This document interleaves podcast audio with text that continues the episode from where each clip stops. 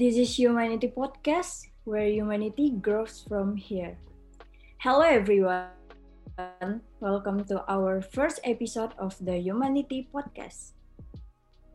With the topic, Hold the Mentality in University Life.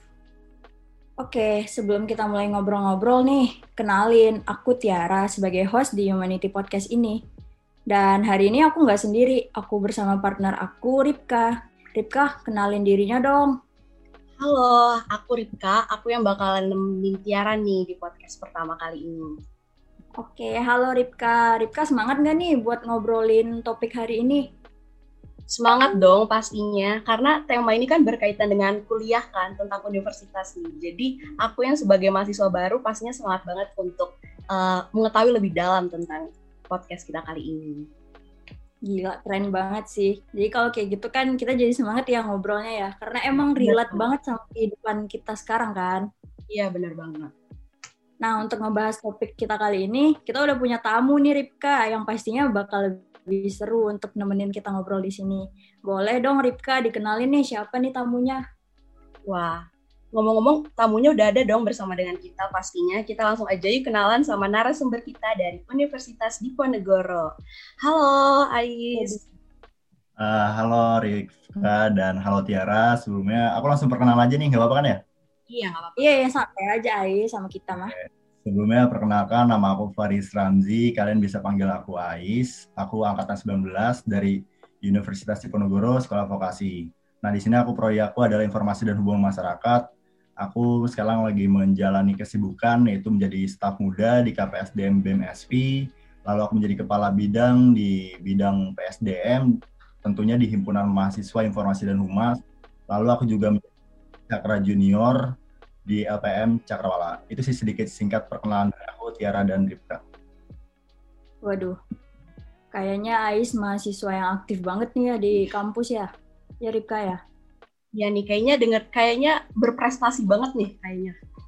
Ya cocok Oke banget deh. nih sama tema kita.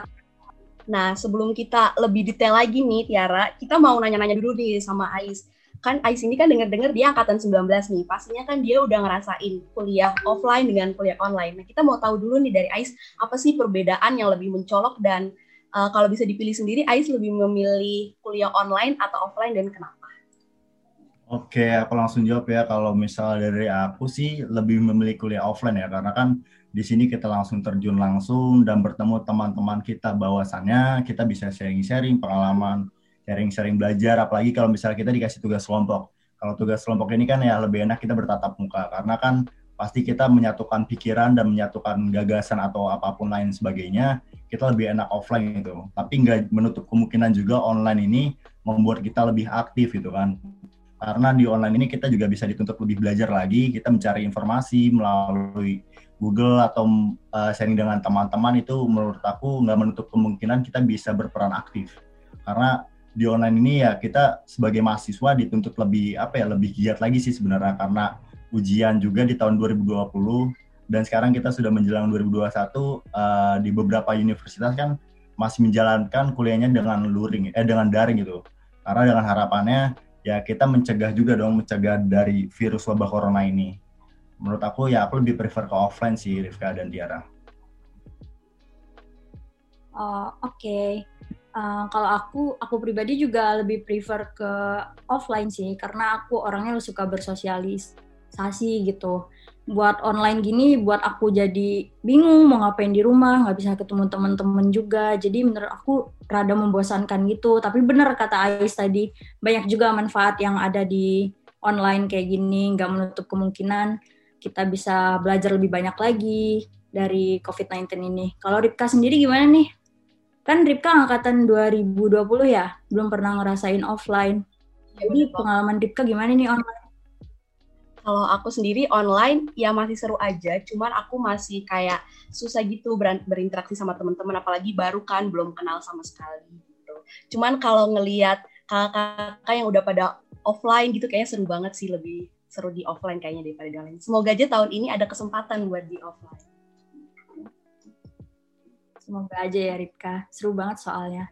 Terus buat Ais, ini kan kita lagi masih kondisi online ya. Gimana nih kuliahnya? Lagi ada kegiatan apa gitu yang menyibukkan? Apakah kalau online juga sibuk gitu Aisnya di kampus?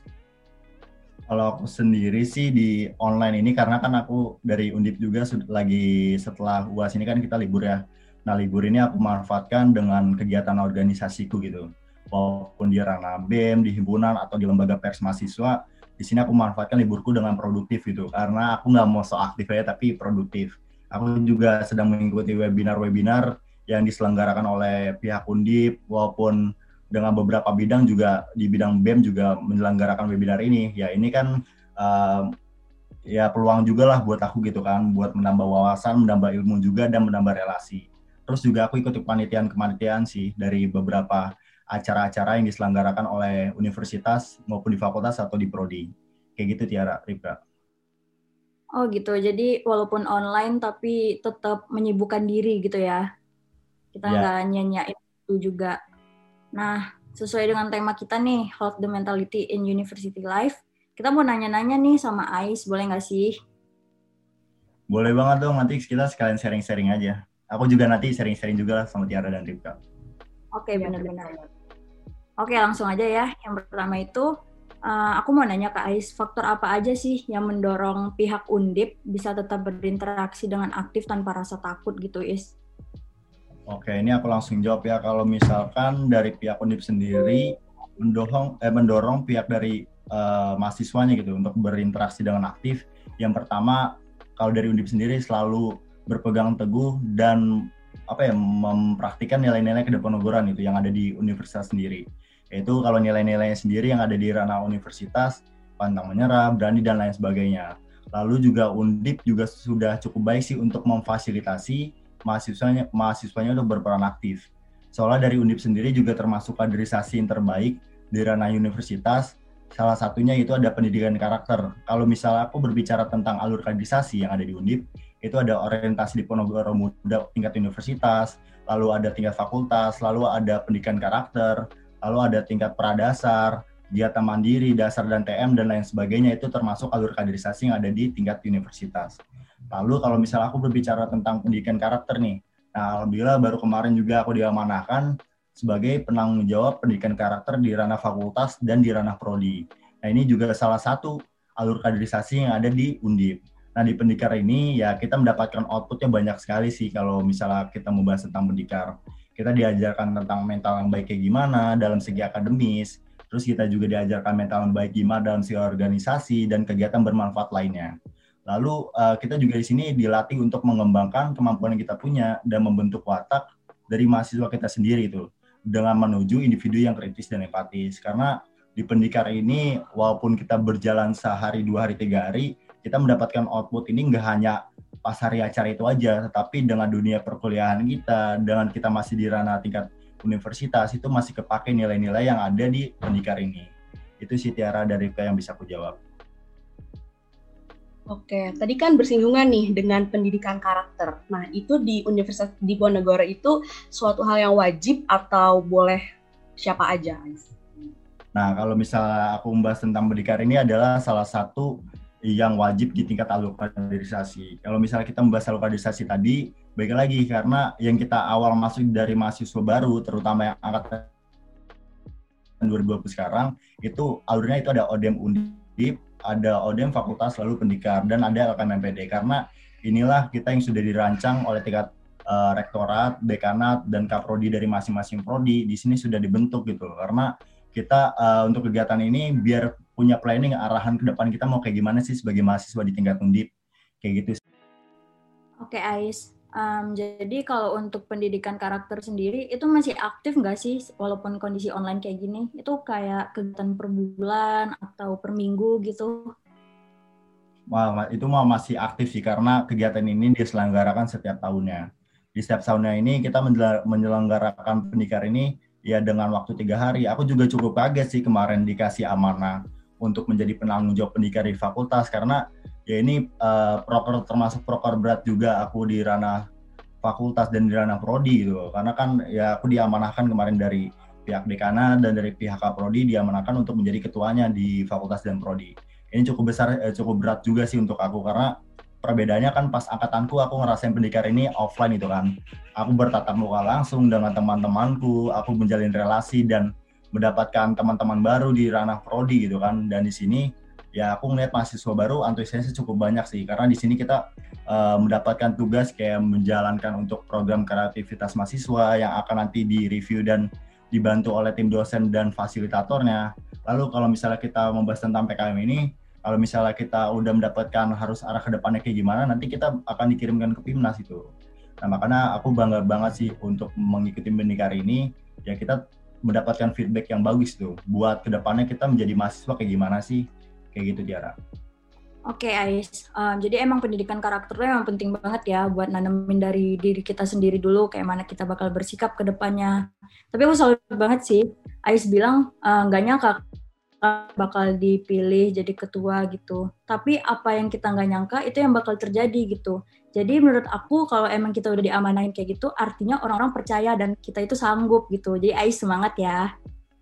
Ya, makasih Tiara. Bismillah. Oke, kalau gitu lanjut ke selanjutnya nih. Bagaimana nih peran upaya peran dan upaya universitas di Diponegoro dalam memotivasi mahasiswanya agar tetap aktif dalam berprestasi serta berorganisasi walaupun dalam masa pandemi kayak gini nih. Oke, ini aku langsung jawab ya. Kalau dari tagline Undip sendiri sih, uh, Undip ingin menjadi universitas yang terbaik di bidang riset dan penelitian yang unggul. Nah, itu termasuk juga salah satu branding dari Universitas Diponegoro sendiri. Makanya kita sebagai mahasiswa Undip ya kita selalu antusias dan ikut peran andil untuk mengikuti program kreativitas mahasiswa. Tadi sudah aku jelaskan di awal ya tentang pendidikan tadi. Kalau misalkan dari angkatan 2020 sekarang ini mereka sedang mengerjakan tugas PKM. Nah PKM ini ya mereka nggak mengerjakan sendiri, mereka dibuat grup kelompok 3 sampai lima orang, lalu nanti mereka uh, mau mencari PKM di bidang mana. Kalau PKM itu ada lima bidang ya setahu ya, ada penelitian, pengembangan, lalu ada uh, pengabdian masyarakat dan lain sebagainya. Nah, PKM inilah nanti diberikan feedback oleh fasilitator dan dibantu oleh dosen pembimbing dari masing-masing prodi. Lalu biasanya kalau misalnya dari universitas sendi sendiri sih kalau misalkan ada kejuaraan lomba atau dari mahasiswanya ada yang menjuarai di tingkat nasional atau internasional, ya itu selalu mengeksposnya gitu di sosial media maupun Instagram maupun web, lain atau lain sebagainya yang ada di official akun Undip atau ranah tingkat BEM dan fakultas. Lalu kalau misalnya dari Undip sendiri sih ini sih kalau Tiara memfasilitasi kegiatan yang dilaksanakan oleh mahasiswanya dengan mempersediakan Zoom dan lain sebagainya. Dan Undip sendiri mempunyai aplikasi resmi itu untuk perkuliahan online atau kegiatan organisasi lainnya itu semacam Mistim karena di sinilah kita untuk memakai setiap hari di aplikasi di aplikasinya Mistim itu Undip ya kita memakai dengan gratis itu paling cuma menguat kota aja sih Tiara. Oke, berarti intinya uh, kampus tuh ngedukung banget ya setiap mahasiswanya untuk mau bisa uh, berperan aktif nggak hanya dalam kampus aja tapi keluar juga. Nah, aku mau nanya nih sama Ai sendiri, apa sih contoh nyata bahwa uh, Undip tuh bisa memotivasi mahasiswanya secara nyata gitu kalau menurut Ai sendiri? Kalau menurut aku ya dari Undip sendiri memotivasi mahasiswanya dengan nyata yaitu dengan kita berorganisasi sih. Sebenarnya dengan ada organisasi di internal Undip sendiri pun kita terjadi motivasi dan kita mengembangkan diri kita gitu loh. Karena di organisasi kita nggak hanya belajar tentang proker saja menurut aku ya. Karena di sini kita menjalin relasi, kita bertukar pikiran dengan teman-teman seangkatan maupun kakak tingkat, terus kita dibimbing dan diayomi oleh kakak tingkat harus berprogres ke gimana sih ke depannya.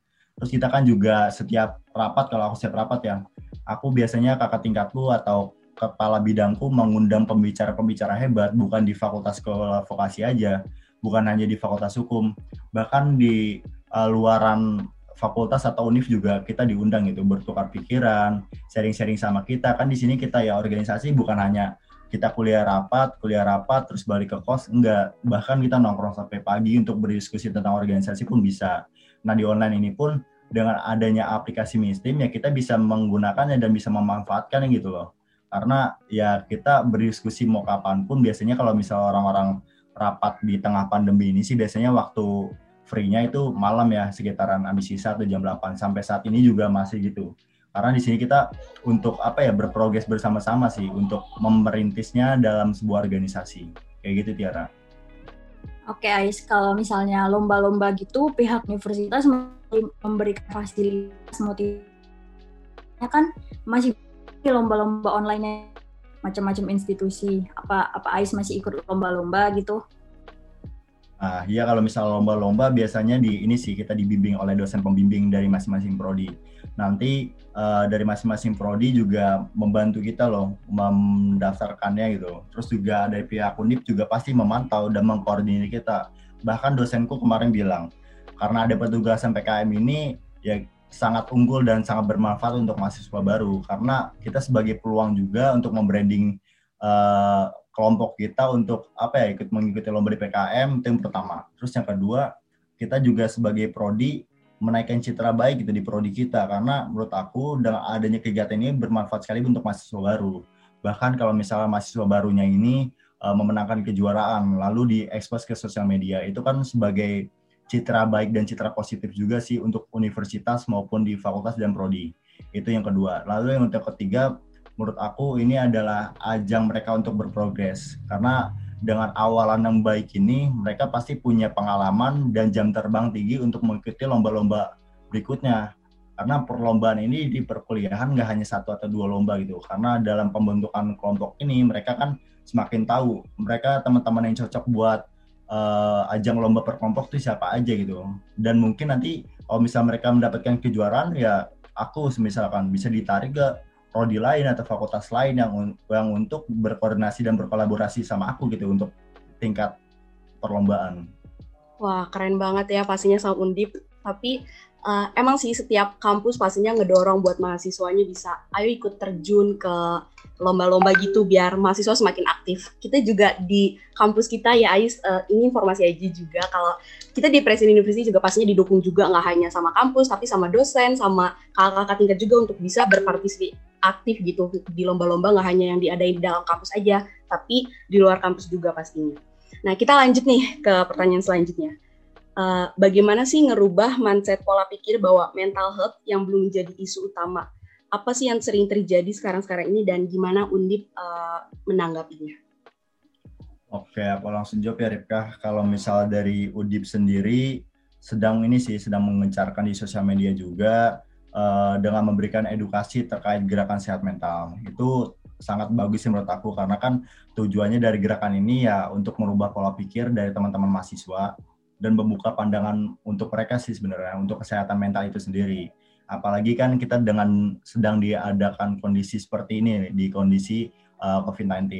Nah, menurut aku juga sebenarnya nanti kita juga biar lebih paham tentang mental health sendiri. Seperti kenapa sih karena mental health itu penting itu yang pertama, pertanyaan pertama dan kedua output yang kita dapat dari pemahaman tersebut tuh apa? Karena menurut aku mental health sendiri uh, untuk zaman sekarang tuh penting sekali ya dengan kita memberikan edukasi kecil ke teman kita aja mereka sudah cukup tahu dan cukup sadar gitu karena mental health ini sangat penting. Nah makanya di Undip sendiri juga ada gerakan seperti itu dan beberapa teman-temanku kemarin juga mengikuti gerakan tersebut karena ya mereka uh, ingin mengasih edukasi gitu loh dengan di situasi kondisi seperti ini kayak gitu Rifka. Oke Ais, um, kalau di Undip sendiri itu masih ada event-event nggak? Soalnya nih kayak yang bisa dilihat uh, kita di Presiden University itu masih banyak banget eventnya dan per bulan itu pasti selalu ada event gitu dan kita mengimbangi itu dengan tugas-tugas kampus yang dikasih apalagi online kayak gini tuh kita ngerasa tugasnya tuh lebih banyak banget kan daripada offline waktu itu. Nah aku pribadi kayak bingung juga uh, mengimbanginya. Kita pasti bisa tapi kita waktu kita istirahat itu kadang-kadang jadi nggak ada, kita jadi suka overthinking gitu. Apa Ais ngerasain juga atau teman-teman Ais di Undip gitu? Nah kalau misal overthinking sih menurut aku itu hal yang wajar itu manusiawi juga. Tapi tinggal kita pintar mengolahnya aja sih kayak gimana. Yang pertama kita membuat timeline dulu nih.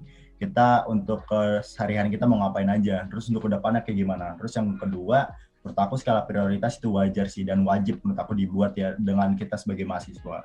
Nah kalau misalnya dari Undip sendiri sih membuat event-event ya event-event banyak semacam kayak webinar itu aku pernah mengikuti webinar internasional yang diadakan di Undip itu benar-benar uh, pesertanya banyak dan mengundang beberapa universitas. Lalu di prodiku juga aku uh, pernah pelatihan juga pelatihan table manner kayak gimana cara kita makan di hotel gitu, cara makan yang baik kayak gimana. Lalu aku pernah mengikuti juga kayak bedah konsentrasi yang ada di masing-masing prodi. Itu menurutku juga penting. Nah, dengan adanya kegiatan kegiatan-kegiatan ini sih sebenarnya kan ya membuat kita menjadi apa ya, mencoba hal baru gitu kan. Mencoba hal baru dengan hal yang positif karena menurutku dengan sharing-sharing seperti inilah yang membuat uh, pikiran kita lebih matang lagi gitu. Dan menurut aku uh, mental health yang terjadi seperti ini ya bisa terjalan dengan baik gitu dengan adanya kegiatan-kegiatan bermanfaat kayak gitu Tiara. Tapi kalau misalnya dari Ai sendiri tuh pernah nggak sih ngerasa kayak wah gue di rumah aja nih mental health gue kayaknya udah nggak baik-baik aja gitu. Pernah nggak sih ngerasa kayak gitu kayak depresi gitu? Kalau aku pemikiran seperti itu pernah tapi nggak sampai depresi karena di sini aku manfaatin di rumahku aku dengan adanya quality time gitu yang terpenting. Terus juga aku sharing-sharing kan aku juga punya kembaran ya. Aku biasa sharing-sharing sama kembaranku dan pemikirannya emang sejalan sama aku gitu. Aku ngebahas organisasi dengan dia, tukar pikiran uh, pelajaran atau apa pun sebagian dengan dia. Bahkan kemarin aku mengundang teman-temanku untuk pindah ke rumahku gitu karena menurut aku dengan kita di rumah aja banyak gak sih kayak hal-hal positif yang harus kita lakukan gitu. Makanya aku bener-bener sampai diajak keluar sampai malas karena menurut aku aku di rumah bisa nyaman gitu loh karena aku di rumah nggak cuma hanya main game tidur bangun gitu-gitu aja enggak. Karena menurut aku kita dibuat lah kayak misalnya besok nih aku mau ngapain? Aku bisa mengundang temanku ke rumah. Kita berdiskusi tentang organisasi. Atau enggak kita berdiskusi tentang isu politik atau isu kampus. Itu menurut aku ya dengan hal-hal diskusi kecil pun kita apa ya tidak merasa bosan juga sih. Walaupun kita berdiskusi sampai pagi sampai pola tidur emang bener-bener uh, nggak tertata gitu. Menurut aku ya nggak masalah. Walaupun diskusi kita yang membawakan vibe positif kayak gitu sih Tiara. Oke oke jadi keren banget sih aku kalau dengar Ais bilang kayak gitu kayak yang Ais menemukan dunianya sendiri gitu di rumah. Ih, ya buat apa keluar kalau gue udah nyaman di rumah gitu ya nggak. Terus aku juga kayak mikir pandemi kayak gini tuh juga kita bisa ngelakuin banyak hal sebenarnya di rumah. Tapi dengan mungkin dengan beban pikiran kita itu yang menjadikan kita jadi nggak nyaman gitu di rumah. Kalau Ripka gimana nih Ripka? Nyaman gak sih? Atau mental health Ripka masih baik kan? Kalau aku nyaman sih Tiara, karena aku orangnya juga nggak bosenan juga. Dan sebelum pandemi juga kan aku selalu sering di rumah ngelakuin aktivitas jadi pas sudah pandemi di rumah aja jadi nggak kaget kalau Tiara gimana kaget nggak kalau pas di rumah aja jujur aku aku nggak bisa yang kayak Ais ya kayak aku bertahan di rumah nggak keluar keluar mungkin aku menahan nih selama 10 bulan belakang ini aku menahan banget di rumah. Cuman makin akhir itu makin kerasa banget nih kalau oh, gue pengen keluar gue udah capek banget di rumah. Jadi pikiran-pikiran itu mendorong aku semakin ingin keluar dari rumah ini gitu biar aku pengen tenang gitu gitu um, ya kalau menurut aku sih kayak gitu. Tapi Ais Ais kan tadi bilang ada kembaran ya. Kembaran Ais itu sepemikiran kah sama Ais? Apa gimana tuh? Uh, kalau misalnya kita membahas tentang organisasi atau pelajaran kita benar-benar sangat sepemikiran sih. Karena ya dia apa ya dia berkembang dengan polanya sendiri dan aku berkembang dengan pola aku sendiri. Tapi ada beberapa organisasi yang kita jalani bareng-bareng. Kayak misalkan aku ikut uh, di BEM nih dan kembaranku di BEM juga terus aku ikut himpunan dan kembaranku ikut di himpunan juga. Tetapi ada sebuah organisasi yang kita berbeda. Kayak kembaranku ikut di podcast kampus nih sebagai PR-nya di podcast kampus. Lalu aku sebagai pers mahasiswa di ranah fakultasku. Karena di sini tuh aku pengen mengembangkan uh, ilmu-ilmu jurnalistik yang aku punya. Dan kembaranku mau mengembangkan tentang gimana sih dunia PR yang ada di podcast kampus. Itu sebuah perbedaan dan kita bertukar pikiran ini saling tahu gitu walaupun kita berbeda organisasi. Menurut aku itu harus benar-benar apa ya dimanfaatkan sesama kembaran sih membuat kita semakin nambah wawasan juga. Kayak gitu Tiara. Tapi seru sih Ais. Aku jadi mikir aku pernah mikir sih kayak gimana sih kalau aku terlahir kembar gitu. Pasti seru banget ya kayak kita bisa sharing. Beda kalau kita punya kakak atau adik gitu. Ini tuh benar-benar yang sepantaran sama kita gitu ya jadi kalau misalnya kembaran Ais nih dia betah juga nggak sih di rumah atau bertolak belakang gitu? Kalau dia menurut aku bener-bener lebih betah daripada aku. Kalau aku selama pandemi ini aku masih ada keluarnya walaupun aku masih mematuhi protokol kesehatan. Tapi kalau misal pembaranku sendiri diajak keluar emang kayak ah ngapain sih? Mendingan di rumah gitu kan. sama keluarga ngapain sih keluar mendingan di rumah main sama ponakan itu atau enggak biasa dia ikut-ikut webinar juga bareng sama aku. Kayak ya udahlah kita satu device kita ngikutin webinar bareng-bareng aja daripada dua device nanti kuotanya penuhan kesian biasa kayak gitu sih. Yang aku lakuin sama bareng tuh. Tapi tapi itu seru banget sih kayak gitu. Aku kayak salut gitu. Kan jarang ya yang cowok yang bisa stay banget di rumah dengan nyaman gitu. Ya nggak? Ya nggak? Iya. bener-bener biasanya kalau cowok ya apalagi kalau misalnya anak-anak tongkrongan biasanya ya keluar gitu loh. Kalau enggak ya, uh, makanan sama temen-temennya. Kalau enggak ngebucin eh tapi Ais nggak ngebucin nih enggak aku emang udah ya kurang lebih tiga tahun lah emang lagi pengen sendiri dulu pengen fokus buat menata masa depan sih Waduh, keren banget sih jawabannya atau masa depan. Jarang tahu Ais kayak gitu tuh. Kayak teman-teman Ais pasti kan Ais bisa lihat sendiri mereka pergi keluar apa pun alasannya. Yang penting gue keluar gitu. Ya nggak sih? Nah iya, yang penting apalagi kalau misalnya udah punya bucinan, biasanya mau cari alasan apa pun diajakin nongkrong sama temen ya udahlah, udah ntar aja nongkrongnya bisa ntar malam-malam gitu. Ya udah dia pengen prioritasin buat ceweknya dulu, biasa kayak gitu ya kalau teman-teman tongkronganku gitu. Iya, tapi ceweknya kan juga pengen diprioritasin Ais. apalagi masa pandemi kayak gini ya. gitu. Apalagi masa pandemi banyak yang LDR, itu kayak parah sih yang bucin-bucin sekarang sih nahan-nahan kangen gitu. Aduh kasihan banget gak sih? Aduh, siapa ya? Iya, diuji, diuji. ya, Ripka diuji. bucin ya? Ripka gimana? Ada bucinan gak Ripka? Enggak dong, aku masih biasa aja. Masih maba ya? Nanti Iya, maaf. jangan nanti, enggak jangan aja. Oke. Justru kalau lagi maba itu tahu Ripka nyari. Oh gitu ya? Nanti kan dicari sama kakak tingkatnya. Nah bener banget. Bener, banget sih. Targetnya tingkat. Ayo Ripka. Tadi aku sempet kayak bingung gitu loh Tiara kayak, ah ini beneran gak sih? Soalnya eh, kebanyakan ya kayak 90% teman-teman aku cowok yang aku tahu tuh kayak nggak nggak ada loh Tiara yang di rumah aja. Iya nggak sih bener banget nggak? Apalagi kayak anak-anak kuliah gitu kan, pasti sibuk-sibuknya gitu main-main sama teman-teman kayak gitu. Nah tadi kan eh Ai sudah singgung nih soal katanya dia tuh orangnya eh, nggak bosenan di rumah. Nah pastinya kita pengen tahu nih apa sih eh, yang bisa meminimalisir kekurangan rasa bosan ketika di masa pandemi apalagi di rumah aja. Misal aktivitas-aktivitas apa yang dilakuin atau mungkin punya rekomendasi aktivitas gitu yang baru yang bisa dilakuin gitu.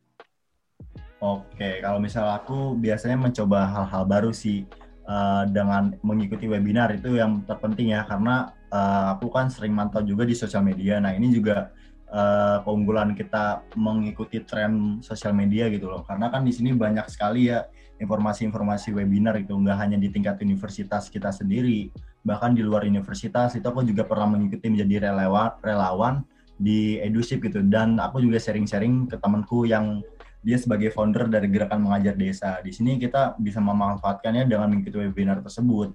Dengan kita tahu gimana sih kayak seluk beluk di organisasi ini gitu. Dan kita juga menurut aku penting sih mengikuti webinar apalagi pandemi kayak gini ya. Terus juga aku biasanya menonton podcast. Yang sering aku nonton itu kayak podcastnya Om Deddy, yang Close the Door atau enggak ya apa Om Rocky Gerung, terus juga uh, Suji Watejo dan lain sebagainya itu podcast-podcast yang bermanfaat sih menurut aku. Karena kan kita sebagai mahasiswa nggak hanya belajar tentang isu-isu politik yang ada di kampus itu loh. Kita kan juga sebagai mahasiswa di apa ya mempunyai pilar gitu. Ada lima pilar mahasiswa uh, di Indonesia itu salah satunya sebagai agent of change. Nah kita dengan mempelajari isu-isu politik yang ada di Indonesia kan menurut kita menjadi wawasan kita juga nggak sih? Menurut aku kan ya itu menjadi wawasan gitu. Biar kita tahu apa sih yang terjadi di Indonesia saat ini. Itu biasanya aku nonton-nonton podcast atau enggak ya aku melihat live-live Instagram. Lalu aku biasanya juga setiap malam atau enggak hampir setiap hari juga aku bertukar pikiran dengan teman-temanku di ranah universitas, fakultas atau prodi. Biasanya yang sering aku diskusin sih kayak sekarang nih untuk lagi pembahasan pembahasan UKT. Nah kan UKT tersorot banget nggak sih kayak di zaman pandemi kayak ini.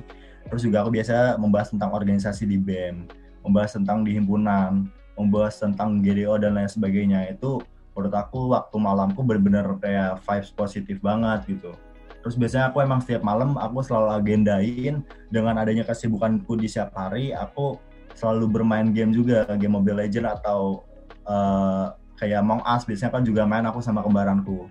Ya ini buat semacam rehat kita juga sejenak, refreshing kita juga sejenak. Jangan lupa juga biasanya kalau misalkan kita bosan, aku selalu dengerin lagu sih.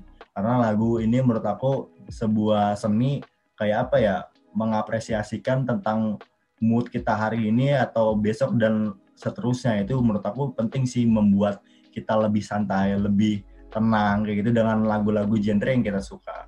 Kayak gitu sih Tiara Rika. Wah, keren banget sih. Tapi emang bener banget apa kata Ais tadi, kalau ikut seminar itu salah satu hal yang bikin apa ya aktivitas jadi produktif juga ya, bisa nambahin uh, pengetahuan juga. Nah, kalau untuk uh, Ais sendiri itu kalau di Indip itu uh, sering nggak sih ngadain seminar-seminar online kayak gitu? Kalau seminar sering, karena uh, seminar ini nggak hanya di ranah universitas, tetapi juga di ranah fakultas atau prodi biasanya diselenggarakan. Kayak gitu, Rika. Hmm, sama banget sih sama presiden university juga sering banget bener-bener kayak sesering itu setiap minggu pasti ada aja seminar. Apalagi mungkin aku bisa cerita kalau uh, kemarin final exam aku waktu di semester 1 itu kita sekelas ngadain seminar dengan tema quarter life crisis itu seru banget sih pastinya. Kayak kita ngejelasin tentang mental health pribadi setiap orang, terus speakernya juga gak kalah keren, emang webinar itu emang keren banget sih. Untuk Ai sendiri pernah gak sih ikutin uh, seminar-seminar kayak di Presiden University gitu? Nah, lagi itu aku dapatin informasi dari uh, temanku juga ya. Aku lupa siapa itu pernah muncul di snapgramku. Nah, itu aku pengen ikut gitu, tetapi aku ada agenda lain, itu ada musma di tingkat fakultas BMSP. Jadinya berhalangan. Tetapi kalau misalnya ada seminar-seminar yang ada di Presiden University, boleh dong sharing-sharing ke aku mungkin lewat Vicky atau teman-teman di sini gitu. Biar aku juga bantu sharing ke teman-teman yang ada di Undip. Iya benar banget benar. Eh tapi Ais kita bakal banyak uh, webinar-webinar lagi nih ke depannya. Ais wajib ikut ya. Boleh, boleh. Nanti langsung kirim aja ke aku, nanti aku bantu sharing. Nah, jangan sampai nih di list peserta nggak ada nama Ais loh. Pasti ikut nanti. Aku usahain ikut.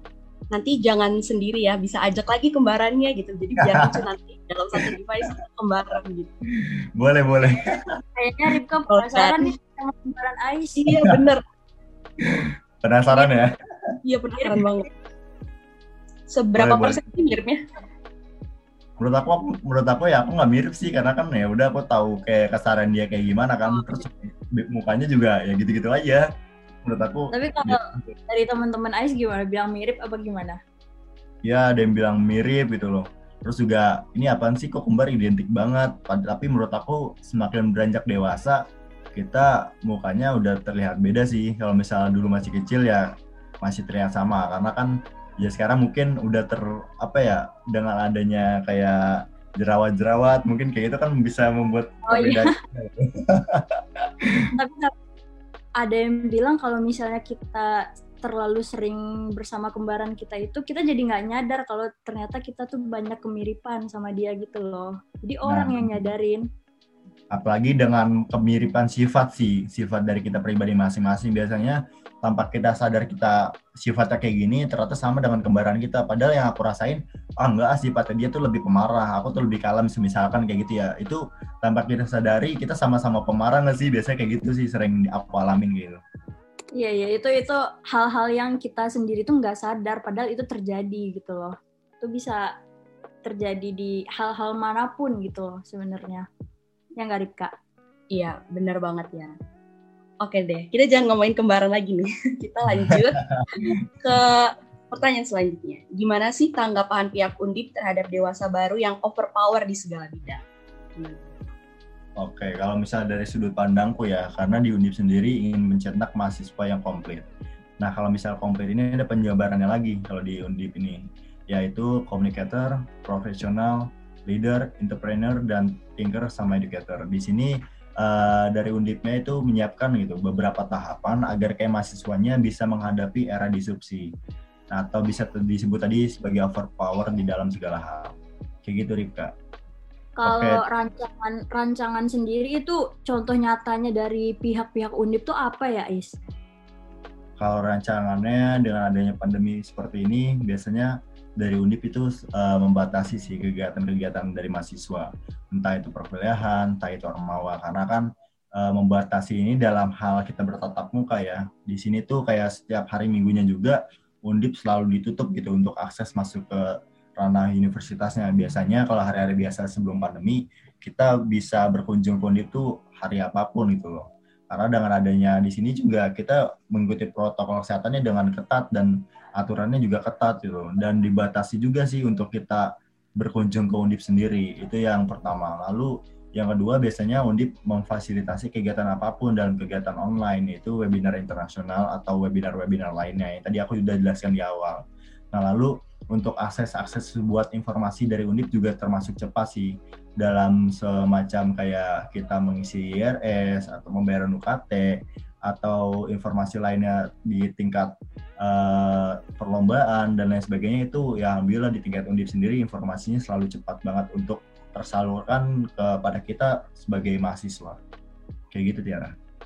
Tapi Ais sendiri selama pandemi dan online class kayak gini, Ais pernah ke Undip nggak? Kalau kita pribadi kan, kita di Presiden University itu, kita tuh jarang banget ke PU karena udah online kayak gini dan kondisinya juga lagi nggak memungkinkan. Kalau Ais gimana nih?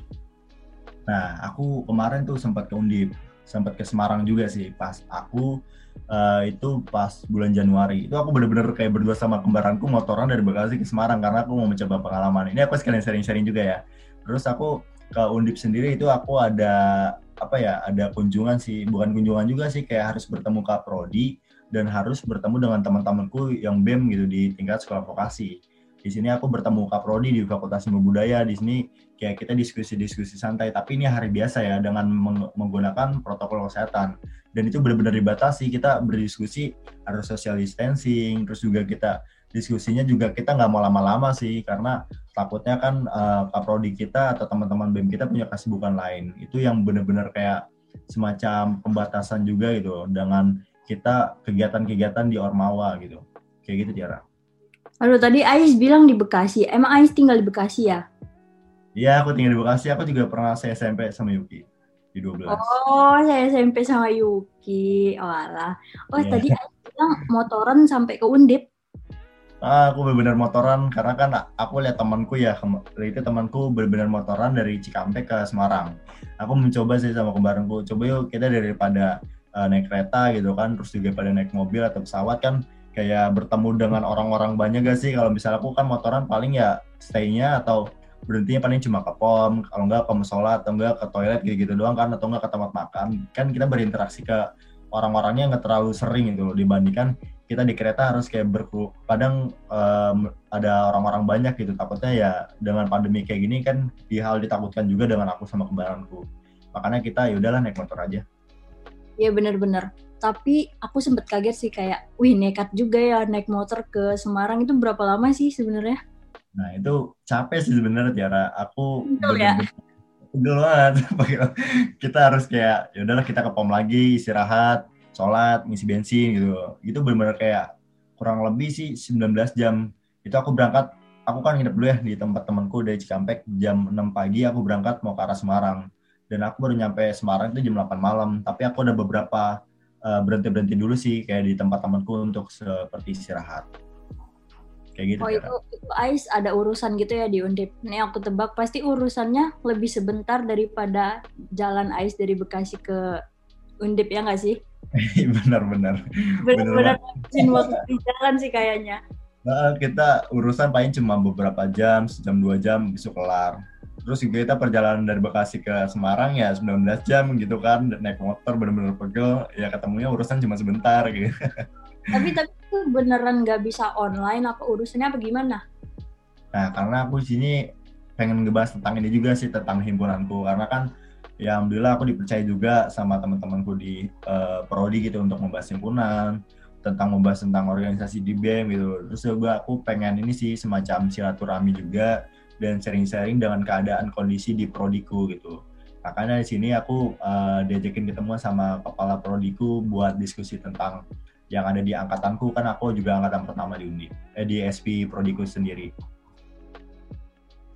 Oh jadi emang har kayaknya lebih baik langsung gitu ya ngobrolnya daripada online gitu ya? Ya benar. Kalau misalnya online kan ya pembatasan waktu lebih lebih apa ya lebih kecil sih menurutku daripada offline. Kalau offline kan kita bisa leluasa ingin mempertanyakan apa pun yang kita ingin tanyakan ya bisa-bisa aja gitu. Kalau misalnya online kita kan gak enak juga takut ngeganggu waktu dari orang yang kita ingin kita ajak bicara. Dan kalau misalnya kita ketemu langsung itu jadi kayak banyak aja yang ngalir gitu ya nggak sih? Kayak nggak perlu kita mikir-mikir mau ngomong apa lagi gitu ya. Nah ya benar. Terus juga kalau misalnya kita bertemu langsung kan buat bercandanya tuh lebih enak gak sih kalau misalnya iya, bener, banget. online ini takutnya ya miskom gitu kan. Terus juga biasanya kita juga ntar malah salah nanggap itu kan yang ada nanti buat baper atau kayak ya udahlah takutnya malah selek sama pertemanan gitu kan biasanya sering. Iya benar emang emang komunikasi terbaik itu adalah bertemu ya nggak Ais? Nah bener banget sih Tiara. Nah, Ais kan di Bekasi, deket banget tahu sama Cikarang. Kalau ada waktu main main kali Ais ke Cikarang. Aku pas mau berangkat ke Cikampek, aku lewat situ lewat lewatin Presiden University. Kan beberapa temanku juga alumni aku di SMA 3, SMA 3 Bekasi, ada yang di Presiden University juga. Bahkan temanku sendiri juga Yuki kan dulu saya SMP sama aku ya. Terus juga dia sempat pindah kan ke mana tuh Batam atau mana aku lupa. Terus juga akhirnya dia balik lagi oh ya Jambi ya. Iya makanya Yuki iya, iya uh, pindah pindah ke Bekasi lagi ternyata akhirnya bakal betah di sana maksudnya bakal bertahan lama banget sampai dia dewasa kan akhirnya dia ke Bekasi lagi kan si Uki. Iya, bakal ketemu. Tapi udah ketemu belum sih sama teman lamanya itu si Yuki? Belum, malah aku kayak sering kadang kontak-kontakan sama Yuki sih di Instagram aja membahas kayak tentang organisasi. Kalau misalkan Yuki juga biasanya nanya-nanya uh, temenan sama aku yang anak FH Unair atau uh, eh, FH di Undip juga biasa aku rekomendasiin ke Yuki kemarin sempat sering-sering juga sama Yuki. Oh iya itu itu penting sih kita tetap ngejalin relasi satu sama lain itu penting banget kan. Tapi ya besok kalau ada ada kesempatan boleh lah main ke Cikarang, ntar ketemu kita nih yang ada di Zoom nih semuanya. Boleh boleh boleh. Emang kalian di sini domisilinya dari Bekasi semua kan? Enggak sih, aku di Jaktim deket lah ya. Oh Jaktim, ya deket banget. Bisa kali Malang. Ya. Aku jauh sih. Gimana? Aku dari Cirebon, kakak tahu nggak nih? tahu lah.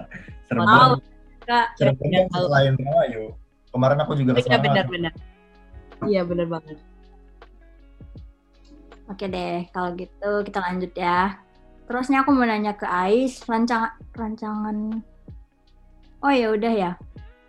Selanjutnya itu cara apa yang dapat dilakukan untuk mengetahui kesehatan mental seseorang maupun diri sendiri gitu. Kalau biasanya aku lihat dari diri si dari diri sendiri aku dulu ya. Biasanya aku paham diri dulu sih tentang kondisi sepenuhnya uh, kita itu seperti apa sih. Nah biasanya kemarin aku juga sempat sharing-sharing tentang uh, yang pembahasan ini ke temanku yang anak psikolog gitu.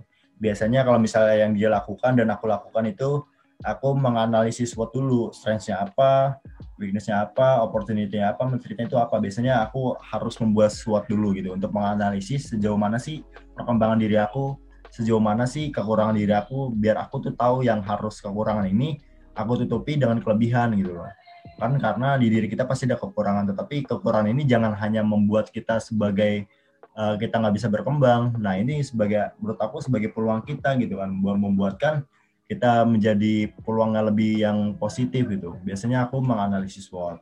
Lalu ini yang paling penting juga sih harus bercerita juga ke keluarga dan teman dekat karena menurut aku ini adalah orang-orang terpenting juga di dalam kehidupan kita agar mereka tahu gitu di kondisi kita seperti ini tuh sekarang kayak gimana. Karena dengan keluarga itu biasanya uh, dengan cara apa pun kakak, teman atau adik atau orang tua itu mencairkan suasana di saat kita dengan kondisi yang tidak baik itu biasa teman-teman kita juga menghibur kita dengan kondisi kita tidak baik. Ya mereka bisa datang ke rumah kita tanpa sepengetahuan kita gitu loh. Tanpa sejanjian kita juga mereka juga bisa ke rumah kita. Kan mereka juga apa ya dengan adanya kondisi kita tidak baik kan mungkin mereka bisa sharing-sharing gitu loh. Biasanya kalau aku sharing-sharing sama teman-teman tongkronganku ya kalau misalnya karena tongkrongan cowok pasti ngebahas tentang cewek, tentang uh, isu-isu politik yang ada di Indonesia, tentang hal-hal konyol yang harus bercanda itu biasanya aku sering bahas sama temen-temen orang aku. Nah, ini yang terakhir juga biasanya aku alamin dan aku jalanin sekarang, aku bertukar pikiran gitu, atau mengikuti webinar yang diselenggarakan dari Fakultas Psikologi. Karena kan untuk mengetahui mental seseorang juga mungkin emang lebih kerananya teman-teman psikologi gitu. Bahkan aku juga sharing sama saudaraku. Saudaraku juga dari Fakultas Psikologi, yang aku harus tahu kayak gimana sih mental yang baik gitu. Biasanya kalau misalnya orang lagi ngamut harus kayak gimana sih yang harus dilakuin. Itu biasanya bertukar pikiran dengan anak psikologi, kita tahu arahan kita dan pandangan kita buat di depan tuh kayak gimana kalau misalnya situasi kita sedang terpuruk. Kayak gitu sih Tiara. Nah, oke oke keren banget sih. Tadi kan sempat kayak ngedenger kelebihan dan kekurangan nih. Kalau untuk Ai sendiri pernah nggak sih ngerasa insecure gitu? Terus gimana caranya untuk bisa kayak ayo up lagi, jangan kayak gini terus gitu. Gimana caranya supaya ngeyakinin diri sendiri kalau kita juga punya kelebihan gitu? Jujur kalau misalnya aku insecure sih, aku nggak merasa aku insecure sih, tapi menurut aku aku ada kekurangan itu. Karena kalau misalnya aku insecure pasti aku bakal berlanjut ke overthinking. Itu biasanya aku langsung rasain. Karena menurut aku insecure ini membuat orang nggak percaya diri. Itu sih menurut pandangan aku ya. Biasanya aku punya teman ya aku juga punya teman yang benar-benar hebat juga dan wawasan luas. Bahkan sahabatku ini dia menjadi duta vokasi terus juga menjadi founder di gerakan mengajar desa menjadi ajudannya Pak Ridwan Kamil juga temanku ada gitu. Nah di sini mereka-mereka inilah yang pernah menjadi pembicara hebat ini aku menjadikan motivasi. Dulu aku tuh bener-bener banget takut buat berkembang. Dan aku juga dulu nggak suka organisasi karena menurut aku organisasi dulu yang aku pandang itu membuat jam waktuku untuk bersama teman-teman dan keluarga itu berkurang. Dan emang kenyataannya kayak gini tetapi itu menurut aku menjadi ajang kita untuk berkembang itu dan berprogres. Makanya aku nggak bilang aku insecure enggak karena mereka-mereka ini orang-orang hebat yang orang-orang terdekatku aku jadikan motivasi. Kenapa sih mereka bisa aku enggak gitu? Karena dengan adanya motivasi ini menurut aku ajang keberanian mental aku gitu. Makanya ya aku bisa kemarin alhamdulillah dimasukkan ke Dipo Jurnal untuk membahas tentang pendidikan karakter yang di universitas walaupun masih ada beberapa orang yang hebat di sana untuk membahas pendidikan ini. Tetapi nggak menutup kemungkinan juga dong biar aku berprogres dan aku mem, apa ya menjawab aspirasi dan pikiran-pikiran aku yang aku punya gitu. Makanya menurut aku nggak usah insecure karena semua orang tuh udah dikasih jatah berkembang, jatah berprogres masing-masing. Dan mereka tuh unggul di beberapa bidang dan mereka pasti nggak mempunyai unggul yang bidang kita punya. Makanya kalau misalnya kita unggul di bidang kita punya, kita coba tingkatin lagi, kembangin lagi. Jangan terpacu dan iri dengan keunggulan orang-orang. Menurut aku tuh nggak banget sih. Karena kita pasti punya keunggulan masing-masing. Kayak gitu, Ripka. Hmm, keren banget sih. Kita nggak salah nih ngundang Ais sebagai narasumber kita karena dari sekian banyaknya orang yang aku tanya, kamu pernah insecure gak sih? Kayak pasti jawabnya pernah. Entah itu lagi main HP tiba-tiba insecure, entah itu lagi ngacaan tiba-tiba insecure. Pasti ada aja gitu part di mana mereka ngerasa kayak nggak uh, percaya diri gitu. Kalau aku sendiri ya, kalau aku bisa cerita gitu, kalau aku juga pernah sih ngerasain insecure itu, di mana aku kayak uh, di bidang akademis itu aku rendah banget kalau untuk matematika, statistika gitu. Dan aku masuk hukum ya karena kayak ngerasa aku nggak bisa matematika gitu, makanya aku mau menghindar. Tapi ternyata dapet juga matematika itu aku ngerasa kayak gitu insecure banget, gimana ntar nilainya kayak gitu. Dan kalau untuk Tiara sendiri gimana nih? Pernah nggak sih ngerasain insecure gitu? Terus dalam hal apa gitu dia bisa ngerasa insecure? Pernah pastinya, apalagi ya masa-masa kayak gini. Aku tuh insecure sama orang yang wawasannya luas gitu. Tapi bener kata Ais tadi, itu tuh sebagai tantangan juga buat kita. Gimana diri kita bisa berkembang gitu. Tapi ya secara nggak langsung kita bakal banding-bandingin nih diri kita sama orang itu. Jadi kita ngerasa oh gue belum sedia, gue belum dapat apa-apa. Jadi gitu. Ya tapi balik lagi orang-orang mah beda gitu. Pasti ada masa-masanya sendiri dan ada keuntungannya sendiri gitu. Tapi kalau dibilang insecure, mungkin lebih insecure ke jerawat sih sekarang Ripka, gara-gara sering begadang. Aduh, itu mah masalah cewek terberat banget ya nggak cewek aja Ais gimana jerawat kayak kalau ngomongin jerawat aku ini sih nggak percaya diri bahkan kalau misalnya dengan ada masker sekarang ya bisa kita keluar pakai masker ya Nah itu menurut aku Ya, bener, membuat aku percaya diri gak sih? Kayak misalnya aku ada sekarang ada jerawat hidung nih, bahkan tadi aku pengen uh, podcast bareng kalian, aku pakai masker nggak ya? Atau jerawat aku aku tutup gitu. aku kayak ah enak banget loh. Soalnya kalau tentang jerawat ini ya ngebahas tentang jerawat, aku tuh biasanya jerawat sedikit tapi bener-bener gede gitu. Makanya ya aku kadang nggak percaya diri situ. Tapi udahlah mau gimana lagi tuh kan yang emang udah keadaan muka kita kayak ini mau diapain lagi ya udah jalanin aja kayak gitu sih. Iya bener sih, tapi kita kita tuh kayak ya pasti pasti hilang kok nih jerawatnya, tapi kayak kayak aku nih contohnya nanti abangku datang ke kamar ngeliat muka, ih jerawatan kayak gitu. Nah itu bikin kita down loh. iya bener banget, bener banget. Soalnya kemarin aku keluar sebentar kan, makanya aku bener-bener nggak suka keluar. Kadang ya omongan orang-orang gitu yang membuat kita nggak enak gitu. Aku baru keluar aja nih, baru keluar rumah itu hidungnya kenapa abis kena pukul orang kan kayak anjir lah baru keluar udah dibuat kayak gini kan eh, kagak enak banget hati kan makanya udahlah aku di rumah aja gitu Kadang-kadang itu harusnya nggak diomongin nggak sih kayak kita bakal kepikiran insecure gitu iya jadi benar benar benar benar Ya bener banget. Parah sih. Emang aku kalau masalah jerawat nih apalagi semenjak begadang, pasti Ais juga pasti begadang kan masalah Pasti. anaknya sekarang nih. pasti sih biasanya kalau begadang ya aku waktu luangku jam 11 ke atas atau jam 10 ke atas sih aku luangin banget Eh, aku nggak mau ngebahas tentang organisasi tetapi aku harus ada waktu buat main game karena menurut aku membuat kita rehat juga walaupun kadang main game juga kadang kesel ya mendapatkan Ya, game dan Itu tim me time gitu nggak sih? Ah, bener banget. Biasanya aku kalau misalnya jam malam sama kembaran tuh gitu. Game gak biar nggak pusing. Udah game. Eh akhirnya nge-game ketemu teman-teman yang yang gitu, yang ngeselin juga, bikin emosi. Tapi se- semacam hiburan juga sih, bagus. Ais, Ais dari tadi ngomongin kembarannya, kayaknya Ais deket banget nih sama kembarannya. Iya bener, bener banget. Kalau misal berantem juga aku nggak pernah lama, nggak pernah sampai sehari atau berjam-jam. Paling cuma berantem cu, cuma kayak ya udahlah ngetoksik, ngata-ngatain. Tapi kita nggak pernah main fisik sih alhamdulillahnya. Dulu doang masih kecil kita main fisik. Tapi udahlah udah dewasa udah malu. Iya bener, wajar sih waktu kecil mah ya. Jadi undip juga Ais.